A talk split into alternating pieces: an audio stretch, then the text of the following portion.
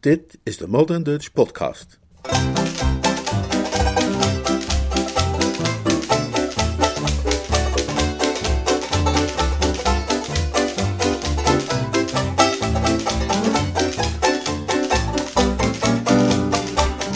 afgelopen weken hebben wij de verhalenbundel Jeeves en ik gelezen en we zijn toe aan het laatste hoofdstuk. Daarvan hebben we vorige week de eerste helft gelezen, vandaag het slot. Korte inhoud van het voorafgaande. Bertie Wooster en zijn persoonlijke bediende Jeeves verblijven tijdelijk in New York. Een van Bertie's nieuwe vrienden daar is Rocky Teller Todd, die dichter is en tevens een van de meest luie donders ter wereld. Behalve af en toe een gedicht schrijven doet hij helemaal niets en hij verblijft gelukzalig luierend in een huisje ergens op Long Island. Zekere dag krijgt Rocky een brief van zijn tante Isabel, die hem schrijft dat ze haar hele leven al zo graag aan het mondaine leven in New York had willen deelnemen, maar dat nu niet meer kan realiseren op haar leeftijd. Ze belooft Rocky een maandelijkse toelage en later haar erfenis, onder voorwaarde dat hij in haar plaats in New York gaat wonen, om daar dan intensief deel te nemen aan het uitgaansleven te midden van alle beroemdheden en haar dan wekelijks daar in een brief verslag van te doen, zodat zij daar indirect toch van kan genieten. Niets lijkt Rocky erger. Het idee alleen al maakt hem wanhopig. Jeeves stelt voor die taak op zich te nemen en aantekeningen te maken voor de brieven die Rocky dan kan schrijven. Zo gezegd, zo gedaan. Dat plan loopt een tijdje goed, totdat tante Isabel, zo enthousiast geworden dat niets haar meer kan tegenhouden, toch zelf naar New York te komen. Rocky heeft Bertie's adres midden in het centrum opgegeven als was het het zijne. Daar komt die tante dan ook naartoe. Rocky vindt ze daar natuurlijk niet en Bertie beschouwt ze als een klaploper die van Rocky's huis, zijn bediende en zijn drankvoorraad misbruik maakt. Rocky wordt snel gewaarschuwd en Bertie vlucht tijdelijk naar een hotel.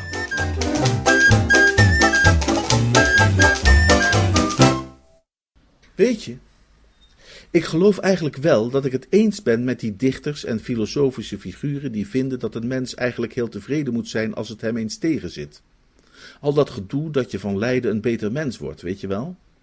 Lijden maakt je breder van opvatting en liefhebbender en zo. En je kunt het ongeluk van andere mensen beter begrijpen als je zelf ook zoiets meemaakt. Toen ik daar zo in die eenzame slaapkamer van dat hotel stond en probeerde mijn witte das zelf te strikken, realiseerde ik me eigenlijk voor het eerst dat er hele massa's kerels moeten zijn in de wereld die het altijd moesten zien te rooien zonder iemand om voor hen te zorgen. Ik had Jeeves eigenlijk altijd gezien als een soort natuurlijk fenomeen, maar, lieve hemel, als je er even over nadenkt, dan moeten er een hoop lui zijn die altijd hun eigen kleren moeten strijken en die niemand hebben om ze s'morgens een kopje thee te brengen enzovoorts. Het was nogal een serieuze, bijna plechtige gedachte, weet je wel. Ik bedoel maar te zeggen, sindsdien ben ik veel beter in staat mij de ontberingen voor te stellen waarmee de armen moeten leven. Op de een of andere manier lukte het me toch om me te verkleden. Jeeves had bij het inpakken werkelijk niets vergeten. Alles was er, tot op het laatste boordenknoopje. In zekere zin voelde ik me daar nog beroerder door. Het gevoelen werd als het ware verdiept. Ik werd bij wijze van spreken, zoals iemand wel eens heeft geschreven, aangeraakt door een verdwenen hand. Ik ging ergens een hapje eten en daarna naar de een of andere voorstelling, maar het deed me allemaal niets. Ik voelde er ook helemaal niets voor om achteraf nog eens te gaan souperen ergens. Ik slobberde alleen nog een whisky soda in de rooksalon van het hotel en ging regelrecht naar bed. Ik kon me niet herinneren dat ik me ooit eerder zo waardeloos had gevoeld. Ik merkte zelfs dat ik op mijn kamer zo geruisloos mogelijk begon te bewegen, alsof er een sterfgeval was geweest in de familie. Als er iemand was geweest om mee te praten, had ik gefluisterd. En inderdaad, toen de telefoon ging, beantwoordde ik die met zo'n droevige, gedempte stem, dat degene aan de andere kant van de lijn wel vijf keer Hallo, hallo riep, voordat hij doorhad dat ik al lang had opgenomen. Het was Rocky. Die arme padvinder was compleet opgefokt. Bertie, ben jij daar, Bertie? Oh, goeie genade, wat ik meemaak. Waar bel je vandaan? De Midnight Revels. We zitten hier nu een uur. En volgens mij gaat dit nog wel de hele nacht duren. Ik heb tegen tante Isabel gezegd dat ik even een vriend ging bellen om te vragen of hij ook kwam. Ze zit als op haar stoel gelijmd, met dit is het ware leven dwars over haar gezicht geschreven. Ze zuigt de hele toestand door alle poriën op. Ze vindt het prachtig en ik word bijna gek. Vertel mij er alles van, kerel. Als dit nog even zo doorgaat, dan sluip ik zachtjes naar de waterkant om er een eind aan te maken. Je wilt toch niet beweren dat jij dit soort dingen elke avond doet, Marty, en dat je het toch leuk vindt ook? Het is eenvoudig gruwelijk. Ik probeerde net een uiltje te knappen achter de menukaart toen er een miljoen gillende meiden naar beneden tuimelden met speelgoedballonnetjes. Er zijn hier twee orkesten die allebei proberen harder te spelen dan het andere. Ik ben een fysiek en psychisch wrak. Toen jouw telegram arriveerde, ging ik net even op de sofa liggen met een pijpje en ik voelde mij vervuld worden met een absolute vrede. Maar toen moest ik me ineens aankleden en twee mijl hardlopen om de trein te halen. Dat heeft me bijna een hartaanval bezorgd en vervolgens heb ik bijna een hersenontsteking opgelopen door het koortsachtig moeten verzinnen van leugens om aan tante Isabel te vertellen. En dan moest ik me bovendien nog in die verdomde avondkleding van jou zien te persen. Ik slaakte een scherpe kreet van ontzetting. Ik had er tot op dat moment niet aan gedacht dat Rocky een beroep zou moeten doen op mijn garderobe. Maar je zult mijn kostuums bederven. Ik hoop het van harte, zei Rocky op een uiterst onaangename toon. Zijn problemen schenen een desastreuze uitwerking te hebben gehad op zijn karakter. Ik zou met genoegen wraak op ze nemen. Ze bezorgen me alleen maar ellende. Ze zijn zowat drie maten te klein, dus er moet iets gaan knappen. En ik hoop dat het gauw gebeurt, want dan kan ik tenminste weer een beetje ademhalen. Dat is me sinds half acht niet meer gelukt. Godzijdank heeft Jeeves er even tussenuit kunnen knijpen om een passende boord voor me te kopen, anders was ik inmiddels aan verworging overleden. Dat begon al trouwens aardig op te lijken, totdat het boordenknoopje het begaf. Bertie, dit is de hel. Die tante Isabel wil de hele tijd dat ik met iemand ga dansen. Hoe kan ik nu met iemand gaan dansen als ik hier helemaal niemand ken? En hoe zou ik dat trouwens moeten doen zelfs als ik wel alle meisjes kende? Het is zelfs al riskant om gewoon maar een paar passen te lopen in die broek van jou. Ik heb tegen je tante moeten zeggen dat ik mijn enkel heb verstuit en ze blijft maar zeuren wanneer Cohen en Stone toch komen opdagen. Het kan niet lang meer duren voor ze erachter komt dat Stone twee tafeltjes verderop zit. Hier moet iets gedaan worden, Bertie. Je moet iets verzinnen om uit deze soep te vissen. Je hebt me erin gekregen ook. Ik? Ik? Hoe bedoel je? Nou ja, James dan, dat is hetzelfde. Het was jouw voorstel om het aan hem over te laten. Het waren die brieven die ik heb geschreven op basis van zijn aantekeningen. Die waren te goed. Mijn tante zit het me net te vertellen. Ze zegt dat ze zich erbij had neergelegd de rest van haar dagen te slijten waar ze was. Maar toen kwamen mijn brieven die hij de geneugde van New York beschreven. Die vond ze dermate inspirerend dat ze zichzelf heeft samengeraapt en de reis hierheen ondernomen. Ze heeft het gevoel alsof ze een wonderbaarlijke genezing heeft doorgemaakt. Maar ik zeg je, ik kan er niet mee tegen, Bertie. Hier moet een eind aan komen. Weet Jeeves niets te verzinnen? Nee, die lummelt maar wat rond en die zegt de hele tijd bijzonder verontrustend, meneer. Daar heb je wat aan, zeg. Maar beste jongen, zei ik, je moet wel bedenken dat het voor mij nog een stuk erger is dan voor jou. Jij hebt een comfortabel huis. Ja, dat, dat is toch zo? En jij hebt Jeeves. En je spaart toch een hoop geld uit ook. Spaart er een hoop geld uit? Hoe bedoel je dat ik een hoop geld uit zou sparen? Nou, van de toelage die je tante je heeft gegeven. Ik neem aan dat zij nu alles voor je betaalt, of niet soms? Ja, natuurlijk. Maar mijn toelage heeft ze stopgezet. Ze heeft vanavond nog naar haar notaris geschreven. Ze zegt dat nu ze zelf in New York is, die toelage niet meer nodig is, omdat we toch altijd samen zullen zijn en het voor haar gemakkelijker is om voor die kant van de zaak te zorgen. Ik moet je zeggen, Marty, ik heb achter alle wolken gekeken met een vergrootglas, maar ik kan er geen zonnetje meer ontdekken. Laat staan dat het schijnt. Maar Rocky, beste knul, het is echt te erg. Je hebt geen idee wat ik moet doorstaan in dit afgrijzelijke hotel zo zonder Jeeves. Ik moet terug naar mijn flat. Waag het niet om in de buurt te komen van die flat. Ja, maar dat is mijn flat. Ja, daar kan ik niks aan doen. Tante Isabel mag jou niet. Ze vroeg me wat jij deed voor de kost. En toen ik zei dat jij niks deed, zei ze dat ze dat wel had gedacht. En dat jij een typisch een nutteloze en decadente vertegenwoordiger was van de aristocratie. Dus als jij dacht dat je een beetje een goede indruk had gemaakt, dan kun je dat wel vergeten. Nu moet ik terug, want anders komt ze me hier strakjes achterna. Toedeloe! De volgende ochtend kwam Jeeves langs. Het was opeens weer even zo helemaal als thuis toen hij geluidloos kwam binnengevloeid dat ik bijna van mijn stokje ging. Goedemorgen, meneer, zei hij. Ik heb nog wat van uw persoonlijke bezittingen meegebracht. Hij begon de koffer die hij had meegebracht uit te pakken. Was het niet lastig om die spullen mee te smokkelen? Het was niet gemakkelijk, meneer. Ik heb erg moeten zoeken naar een gelegenheid. Mevrouw Rockmeteller is een bijzonder alerte vrouw. Weet je, Jeeves, je kunt zeggen wat je wilt, Maar deze situatie is wel een beetje kras, vind je ook niet? Het is in ieder geval een toestand waarmee ik niet eerder ben geconfronteerd geweest, meneer. Ik heb het heidekleurige kostuum voor u meegebracht, daar de klimatologische omstandigheden aangenaam genoemd mogen worden. Morgen zal ik, wanneer mij de gelegenheid gegund wordt, ons bruine wandelkostuum bezorgen met de flauwgroene keperdraad. Ja, maar dat kan toch zo niet blijven doorgaan, dit soort dingen, Jeeves? Wij moeten er het beste van hopen, meneer. Kun je er echt niets op bedenken? Ik heb in geruime mate aandacht aan de zaak besteed, meneer, maar tot nog toe helaas zonder succes. Ik leg drie zijden overhemden in de bovenste lade, meneer, het duifgrijze, het lichtblauwe en het mauve exemplaar. Maar je wilt toch niet zeggen dat je er echt niets op kunt bedenken, Jeeves? Op het ogenblik niet, meneer. De zakdoeken en de bruine sokken vindt u in de bovenste la links. Hij sloot de koffer en legde die op een stoel. Een eigenaardige persoonlijkheid, meneer, deze mevrouw Rockby Teller. Dat lijkt me zacht uitgedrukt, Jeeves. Hij staarde een poosje nadenkend uit het raam. In velelei opzichten, meneer, doet mevrouw Teller me denken aan een tante van mij die woonachtig is in het zuidoosten van Londen. Hun beide temperamenten komen sterk overeen. Mijn tante heeft dezelfde voorkeur voor de geneugten van de grote stad.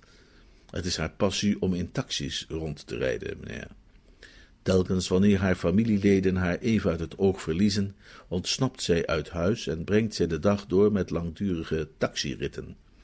Bij verschillende gelegenheden heeft zij de spaarpotten van de kinderen opengebroken om zich de middelen te verschaffen aan haar hartstocht tegemoet te komen.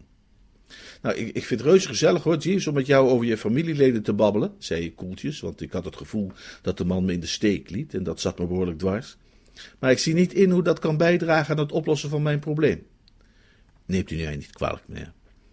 Kleine keuze uit onze dassen laat ik achter op de schoorsteenmantel, meneer, zodat u er een kunt selecteren naar uw persoonlijke smaak. De blauwe das met het rode domino-patroon zou ik daarbij willen aanbevelen, meneer. Daarna stroomde hij onmerkbaar in de richting van de deur en vloeide geruisloos naar buiten.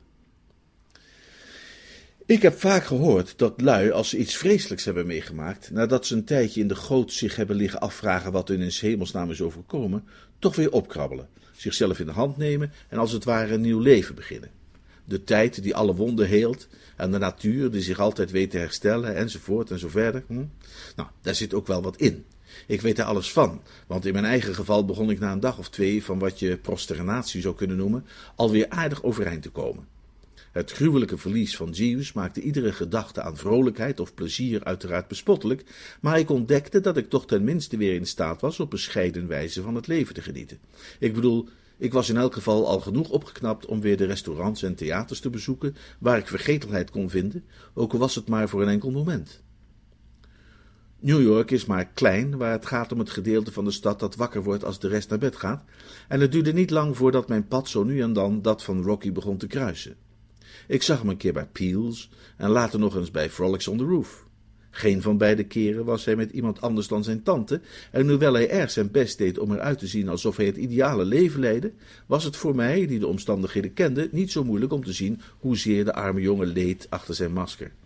Mijn hart bloedde voor hem, althans het stukje dat niet voor mijzelf bloedde, bloedde voor hem.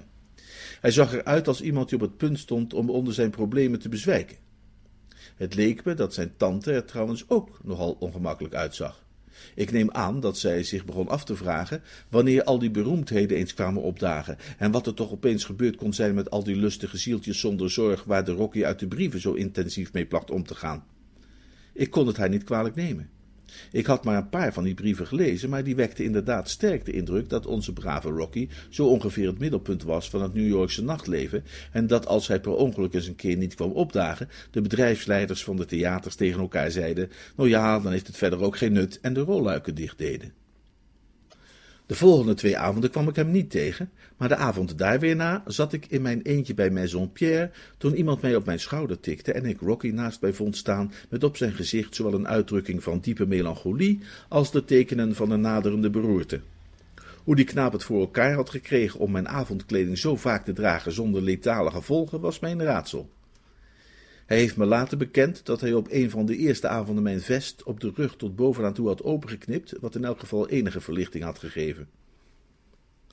Heel eventjes schoot het door me heen dat het hem misschien gelukt was om een avondje aan zijn tante te ontsnappen, maar toen ik langs hem heen keek, zag ik dat zij er ook weer was. Ze zat aan een tafeltje langs de muur en keek naar me alsof ik iets was waarover ze eigenlijk een klacht zou moeten indienen bij de directie. Bertie, ouwe potvinder, zei Rocky zachtjes met een soort gebroken stem. Wij zijn toch altijd vrienden geweest? Hè? Ik bedoel, je weet toch dat ik jou altijd zou helpen als je het me vroeg? Maar beste jongen toch, zei ik. De man ontroerde me. Wil je dan niet is hemelsnaam de rest van de avond bij ons aan tafel komen zitten, Bertie, alsjeblieft? Nou ja, zeg, weet je wel. Alles goed en wel, maar er zijn natuurlijk grenzen aan wat je een vriend in redelijkheid kunt vragen. Maar beste knul, zei ik, je weet dat ik alles voor je zal doen wat binnen mijn vermogen ligt. Maar uh, je moet komen, Bertie. Je moet. Er moet iets gebeuren dat haar afleidt. Ze zit ergens op de broeden. Ze is al twee dagen zo. Ik denk dat ze iets begint te vermoeden. Ze, ze kan maar niet begrijpen waarom in dit soort tenten nooit iemand tegenkomen die ik ken. Uh, een paar avonden geleden kwam ik toevallig twee journalisten tegen die ik vrij goed ken en dat heeft me een tijdje uit de brand geholpen. Ik heb ze aan tante Isabel voorgesteld als David Belasco en Jim Corbett en dat ging prima.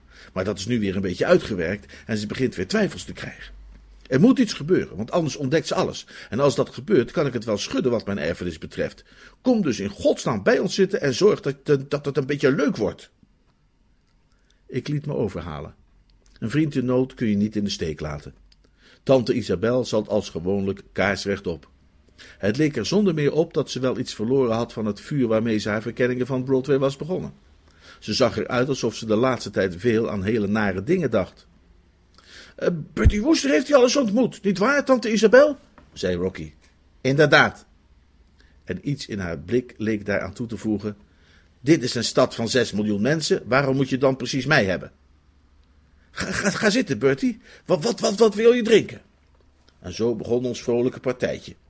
Het werd zo'n opgewekte bijeenkomst waarbij iedereen af en toe aan het tafelkleed plukt en je twee keer kucht voordat je eindelijk iets gaat zeggen, om vervolgens te besluiten toch maar liever je mond te houden.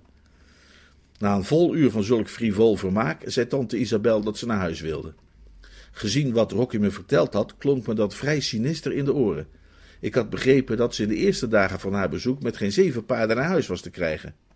Rocky moet dezelfde gedachte hebben gehad, want hij keek mij smekend aan. Ga je nog even met ons mee, Bertie, voor een afzakkertje bij ons thuis? Ik had het gevoel dat het niet helemaal in mijn taakomschrijving stond, maar er was weinig aan te doen. Het leek me erg vreed om die arme jongen alleen te laten met dat mens, dus ik ging mee. Meteen vanaf het begin Vanaf het moment dat we in de taxi stapten, had ik het gevoel dat er iets op uitbarsten stond. Een oorverdovende stilte heerste in de hoek waar die tante zat, en hoewel Rocky vanaf het klapstoeltje voorin ijverig zijn best deed om enige dialoog te entameren, werd er niet echt gezellig gebabbeld. Bij het binnenkomen ving ik een korte glimp op van Jeeves in, zijn gebruikelijke schuilplaats, en ik wenste dat ik hem te hulp had kunnen roepen. Iets zei me dat ik hem wel eens hard nodig zou kunnen hebben. De spiritualia stonden op tafel in de woonkamer en Rocky greep naar de karaf. Zeg maar ho, Bertie! Stop! blafte de tante en de karaf viel uit Rocky's vingers. Ik herinner me Rocky's blik terwijl hij bukte om de scherven op te rapen. Het was de blik van iemand die de bui ziet hangen. Laat maar liggen, Rocky Teller, zei tante Isabel, en Rocky liet de scherven voor wat ze waren. Het moment is gekomen om mijn mond open te doen, zei ze. Ik kan niet langer werkeloos toezien hoe een jong mens zijn ondergang tegemoet gaat. Die arme Rocky maakte een zacht gorgelend geluid, min of meer zoals de whisky had gedaan die uit de karaf in mijn vloerkleed was gelopen. Hehehe, opperde hij tenslotte met zijn ogen knipperend. Zijn tante hernam het woord. Het is, zei ze, allemaal mijn schuld. Ik had het licht nog niet gezien maar de schellen zijn mij van de ogen gevallen. Ik zie nu in welke afschuwelijke fout ik heb begaan. Ik huiver bij de gedachte aan het onrecht dat ik jou heb aangedaan, Rockby Teller, door jou aan te zetten je te begeven in het leven van deze verdorven stad. Ik zag hoe Rocky's bevende hand steun zocht bij de tafel. Toen zijn vingers die aanraakten, zag ik de opluchting in zijn blik. Ik begreep wat hij doormaakte. Maar toen ik die brief aan jou schreef, Rockby Teller, waarin ik je de opdracht gaf om naar de stad te gaan en aan het leven daar deel te nemen, had ik nog niet het voorrecht gehad om James Mundy te horen spreken over dit New York. Jimmy Mundy, riep ik uit. Je weet hoe het is als alles soms volkomen in de war lijkt en je opeens een heldere aanwijzing krijgt. Toen ze de naam Jimmy Mundy noemde, begon ik opeens een beetje te begrijpen wat er was gebeurd. Ik had het wel eens meer zien gebeuren. Ik weet nog goed thuis in Engeland, de bediende die ik had voordat Jeeves kwam, een keer op zijn vrije avond naar de een of andere bijeenkomst was geweest en mij toen hij terugkwam de les begon te lezen en mij tegenover een hele club van jongens die ik mee naar huis had gevraagd voor een soupeetje begon uit te maken voor immorele ploert en uitbuiter van het volk. De tante wierp mij een vernietigende blik toe. Ja, Jimmy Mundy, zei ze. Het verbaast me dat een man van uw allooi van hem heeft gehoord. Op zijn bijeenkomsten is geen muziek. Daar zijn geen dronken, dansende kerels, geen schaamteloze, opgedofte vrouwen. Dus voor u zullen ze niets aantrekkelijks bezitten. Maar voor anderen die minder aan de zonde zijn vervallen, is er zijn boodschap. Hij is gekomen om New York van zichzelf te redden. Om het te dwingen, zoals hij het zo beeldend formuleert, de smalle weg te gaan. Drie dagen geleden, Rockby Teller, heb ik hem voor het eerst horen spreken. Het was door een ongelukkig misverstand dat ik op een van zijn bijeenkomsten terechtkwam. Hoe vaak niet zijn het in het leven juist schijnbare ongelukken en misverstanden die onze hele verdere toekomst bepalen. Jij was even weggeroepen door dat telefoontje van meneer Belasco, dus jij kon mij niet naar de hippodroom brengen zoals we hadden afgesproken. Ik heb toen aan je bediende Jeeves gevraagd om mij even weg te brengen. De man is weinig intelligent. Hij moet mij verkeerd hebben begrepen maar nu ben ik daar oneindig dankbaar voor. Het bracht me, naar wat ik later ontdekte, dat de Madison Square Garden was, waar de heer Mundy zijn bijeenkomsten houdt. Jeeves begeleidde mij naar mijn plaats en vertrok. Pas nadat de bijeenkomst was begonnen, ontdekte ik welke vergissing had plaatsgevonden. Mijn stoel was in het midden van een lange rij. Ik kon niet weggaan zonder een heleboel mensen overlast te bezorgen, dus ik bleef. Ze slikte. Rock teller? Ik ben nog nooit zo dankbaar geweest voor iets. Deze Jemmy Mundy was geweldig. Hij deed me denken aan een profeet uit bijbelse tijden, die het volk tuchtigde om zijn zonde. Hij gedroeg zich zo uitbundig van pure inspiratie, dat ik af en toe vreesde dat hij zichzelf iets aan zou doen. Soms drukte hij zich ook wat wonderlijk uit, maar elk van zijn woorden was vol overtuiging. Hij liet mij New York zien in zijn ware kleuren. Hij toonde mij de ijdelheid en zondigheid van het bezoek aan de goudgepleisterde orde van ontucht, waar kreeft en kaviaar wordt gegeten op tijdstippen dat fatsoenlijke mensen al lang in bed horen te liggen.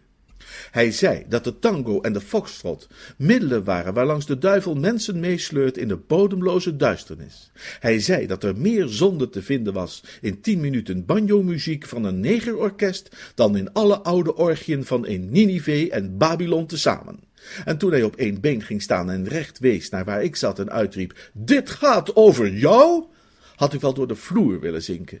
Ik was een ander mens toen ik daar wegging. Je moet die verandering in mij toch hebben opgemerkt, Rock Teller. Je moet toch hebben gezien dat ik niet langer de zorgeloze, onaandenkende persoon was die jou ertoe had aangezet te gaan dansen in die oorden van verderf. Rocky klampte zich aan de tafel vast, alsof die zijn enige vriend was. Ja, stamelde hij. Ik, ik, ik, ik dacht al dat er iets fout was. Fout. Iets fout. Er was juist iets goed. Alles was goed, Rock Teller. Het is voor jou nog niet te laat om gered te worden. Jij hebt alleen nog maar genipt van de beker der zonde. Jij hebt die nog niet geledigd. In het begin zal het heel moeilijk zijn, maar je zult ontdekken dat je het kunt als je met een dapper hart weet te vechten tegen de valse glans en betovering van deze verdorven stad. Wil jij dat om mijnentwil niet proberen, Rockby Teller? Wil jij niet morgen terugkeren naar het platteland en de harde strijd beginnen? Neem een voorbeeld aan Gods volk in het Oude Testament en stukje bij beetje. Ik kan me niet aan de gedachte onttrekken dat het het woord testament was dat Rocky wist te wekken uit zijn miserabele toestand. Het moet hem hebben doen beseffen dat een wonder had voorkomen dat hij zou worden geschrapt uit dat van zijn tante Isabel. Hoe dan ook, toen ze dat zei, fleurde hij helemaal op, liet de tafel los en keek haar aan met glanzende ogen. Dus, u wilt dat ik terugga naar het platteland, tante Isabel? Ja. Om, daar te wonen? Ja, Rockmiteller. Altijd op het platteland blijven, bedoelt u? Nooit meer naar New York gaan? Ja, Rockmiteller, dat is precies wat ik bedoel. Het is de enige manier. Alleen daar kun je je bevrijden van alle verleiding. Wil je dat doen, Rockmiteller? Wil je dat doen om mijnentwil? Rocky greep de tafel weer vast. Kennelijk ontleende hij veel bemoediging aan die tafel. Ja, zei hij, als dat uw wil is, uw uh, laatste wil. Jeeves, zei ik. Het was de volgende dag en ik was terug in mijn eigen huis. Ik lag achterover in mijn eigen fauteuil, met mijn voeten op mijn eigen salontafel. Ik was juist Rocky wezen uitzwaaien op weg naar zijn huisje op het platteland, die zelf net een uur daarvoor zijn tante naar het station had gebracht, die terugkeerde naar het verre gehucht waar zij de vloek van was, en eindelijk waren we dus weer alleen. Jeeves? Eigen haard is goud waard, wat zeg jij ervan? Bijzonder juist, meneer. Zoals het klokje thuis tikt, hè? En al dat soort dingen, toch? Precies, meneer. Ik stak nog een sigaret op. Jeeves? Meneer. Weet je, er is een moment geweest tijdens die hele geschiedenis dat ik werkelijk dacht dat zelfs jij er niet meer uit zou komen. Werkelijk, meneer. Hoe kwam je op het idee om mevrouw Rockby Teller naar die bijeenkomst te brengen? Dat was echt geniaal. Dank u, meneer. Dat idee schoot mij onverwacht te binnen toen ik op een ochtend aan mijn eigen tante dacht, meneer. Jouw tante? Die van de taxis? Ja, meneer. Ik herinnerde mij dat telkens als wij een van haar aanvallen zagen aankomen, wij onze kapelaan lieten roepen. Het was onze ervaring dat als hij een poosje met haar gepraat had over de hogere dingen des levens, dit haar gedachten afleidde van taxis kwam mij voor dat dezelfde behandeling eveneens doeltreffend zou kunnen zijn in het geval van mevrouw Rockby. Ik stond versteld van zijn vindingrijkheid. Pure denkkracht, zei ik, zuiver hersenwerk. Wat moet jij voor doen om dat te kunnen, Jeeves? Volgens mij moet jij heel veel vis eten of iets dergelijks. Eet jij veel vis, Jeeves? Nee, meneer. Oh, nou, dan is het gewoon een gave, neem ik aan. En hoeven mensen die dat niet bij hun geboorte hebben meegekregen zich geen verwijten te maken. Zeer juist, meneer zei Jeeves. En als ik zo vrij mag zijn, meneer, die das kunt u beter niet blijven dragen. De groene tint ervan geeft u een lichtelijk melancholische uitstraling. Mag ik in plaats daarvan het blauwe exemplaar aanbevelen met het rode domino-patroon? Uitstekend, Jeeves, zei ik nederig. Jij hebt er verstand van.